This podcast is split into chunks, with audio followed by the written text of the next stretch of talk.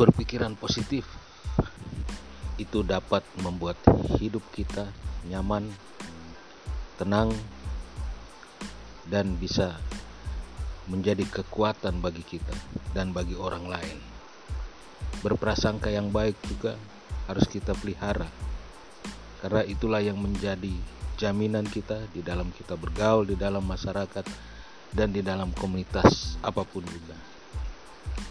Kita tidak bisa mengubah hati orang lain untuk berbaik sangka kepada kita. Namun, kita bisa melatih hati kita untuk berbaik sangka kepada orang lain. Itulah yang menjadi sekelumit pandangan kita pada hari ini.